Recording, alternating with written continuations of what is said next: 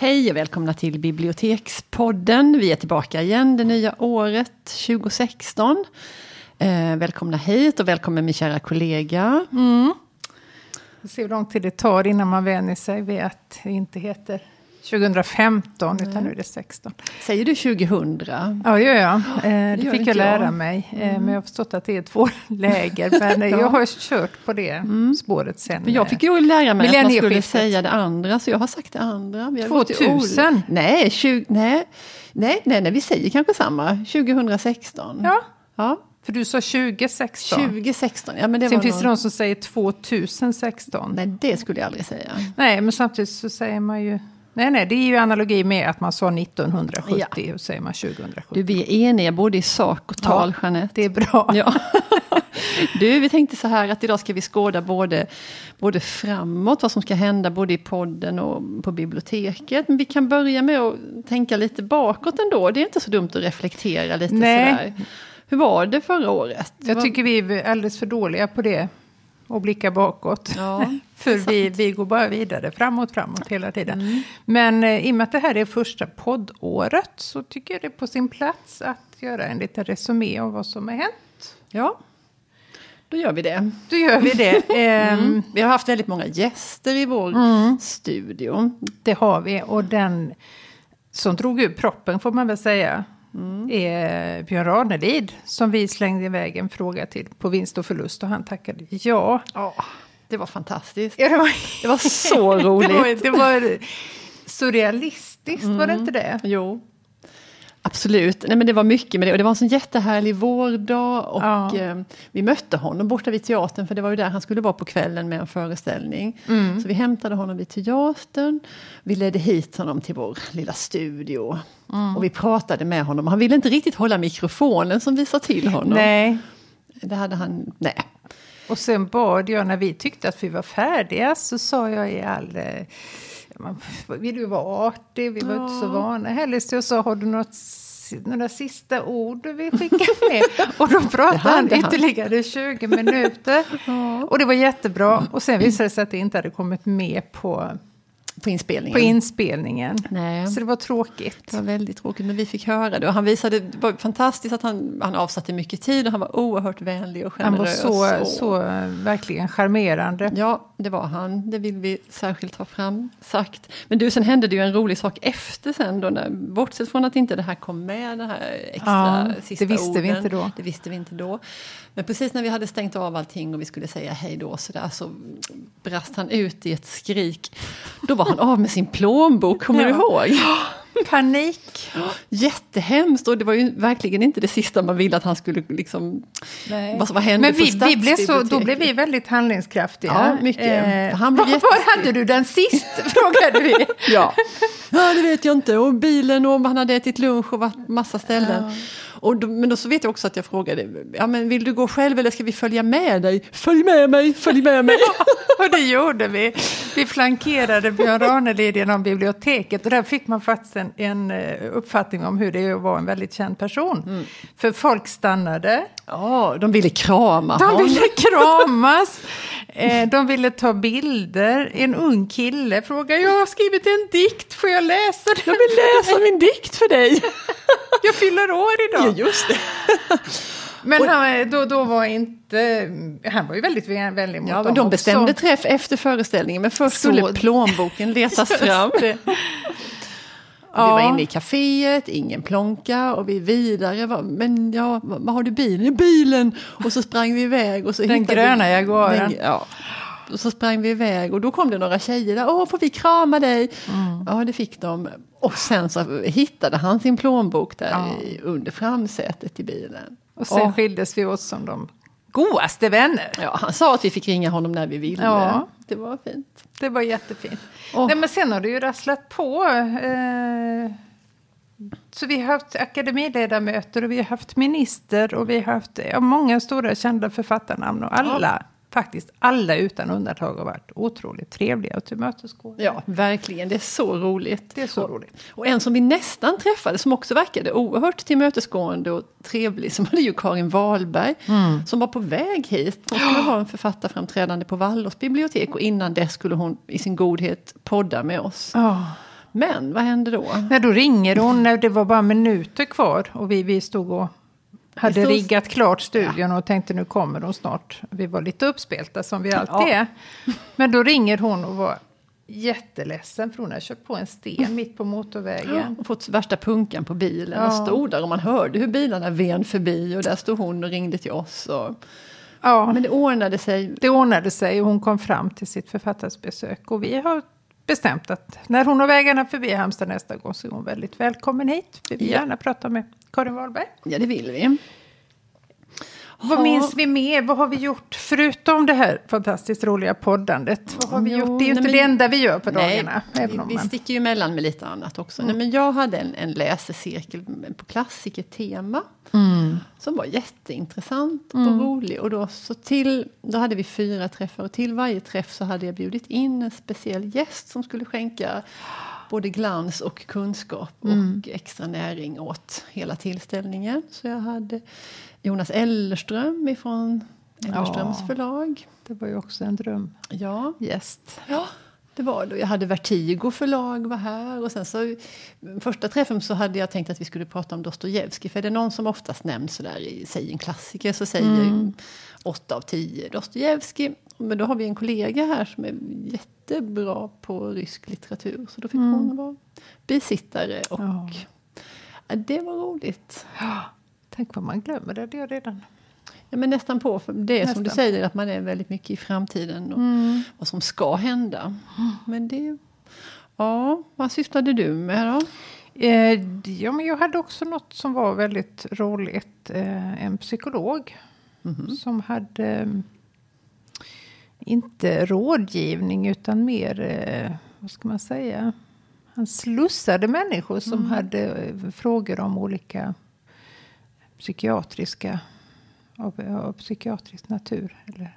Det var, ja, var det inte någon sorts vägledande samtal? Jo, precis. Ja. Mm. Att, vart man vänder sig och vad finns det för behandlingar. Och det blev jätte, jätteuppskattat. Så han hade fullt hus varenda Mm. gång. Roligt. TV kom hit och gjorde ett inslag. Och, Det gillar vi. ja, det Ja. var roligt. Ja, jag jobbade också med en psykolog. Ja, det gjorde du. Ja, Vi det hade ju jag faktiskt det temat eh, tillsammans kan man Det säga. var en annan inte- psykolog, det var inte din. Jag hade en egen. Nej, men de har faktiskt förenats nu. Jag vet. Efteråt. Ja. Rent yrkesmässigt i alla fall. Mm, det hoppas vi. Eh, nej, men jag hade en läsecirkel som hette Läs med psykologen. Där vi läste fyra böcker på mor och dotter-temat. Det var så intressant. Och det var Ja, ju, det lät ju så himla Ja, kul. men det var det verkligen. Och det var ju inte tal om att man skulle sitta och liksom göra egna... Liksom komma, vi var rädda för det, både jag och psykologen, att det skulle bli så där att folk skulle mm, berätta om sitt eget. Ja. Min mamma sa och då sa jag och det är inte bra. Och så där.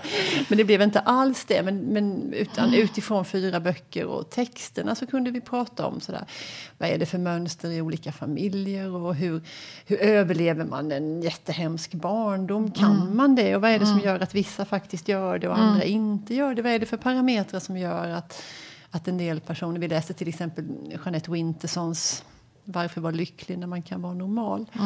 Ehm, Ja, nej, det blev oerhört intressanta diskussioner. Och det är klart att, att allt det vi pratade om kan man sen gå hem i sin kammare och applicera på sig själv eller fundera på på ett annat sätt. Men det, det blev också att just utifrån texterna så kunde vi prata ganska ja, djuplodande och ja, det var ju superduper intressant. Ja, det är sånt man gärna hade velat gå på faktiskt. Ja, men det kanske man kan göra en annan gång. Kanske, kanske återkommer. Ja, Men du, eh, om vi ska sluta och... om vi ska vända blicken framåt. Vad är det vi har nu framöver, Mm. Ja. 2016? Vad händer, vad händer är till ju- exempel på cirkel? På cirkelfronten? Jo, då så ska det rivas av en lyrikcirkel. Och då underrubriken där är jag väldigt nöjd med, för då heter den så här. Är du en inbiten diktläsare eller har du lyrikpanik? Fyndigt. Eller hur? eh, nej, men då är det en länge närd dröm det här att, att välja ut några dikter och, och läsa dem och låta det få ta tid och låta det sjunka in och sen så sitta och diskutera med intresserade, vana eller ovana diktläsare. Vad handlar det här om egentligen? Vad är det för stämning som dikten förmedlar? Ehm, förstår jag den? Måste jag förstå den? Nej, Ehm, nej. vem har skrivit den? Vad är det lite grann? Vad är det i för sammanhang som den här dikten har kommit till? Mm. Och, men mest liksom ren textläsning sådär. Att man, då, då, då är det eh, tre stycken författare som vi har valt ut.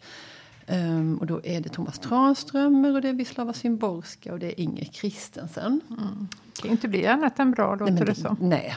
Och den fjärde gången så, så kallar vi det tillfället för önskedikten. Mm. och då ska man få i god tid till den gången. Ska man ha fått välja ut någon dikt som man kanske tycker väldigt mycket om eller som man kanske har sådär som man återvänder till och där kan finnas mm. saker som man vill liksom lyfta. Man vill kanske bara läsa högt för att man tycker det är så himla bra eller så mm. kan det vara. Alltså jag har en sån dikt som jag återvänder till jätteofta. Där finns vissa saker som jag inte riktigt förstår och det är okej okay, men jag skulle vilja liksom höra vad finns det för mm. olika alternativa tolkningar mm. till det här. Uh, och jag, ska, jag uh, jobbar tillsammans med en en person som är oerhört poesibeläst och påläst och intresserad som heter Momir Popovic. Mm. Um, så han är min, min medarbetare under den här lyrikcirkeln. Det är roligt att det finns också intresse för de här kanske lite smalare cirklarna. Mm. Som, vi hade ju en, eh, inte vi, men en kollega hade ju en eh, läsecirkel om eh, surrealistisk litteratur till mm. exempel. Och den blir ju fulltecknad på nolltid. Ja. Och din lyrikläsecirkel har ju också... På väg att bli på fulltecknad. Att bli full. Så det finns ju ett stort intresse för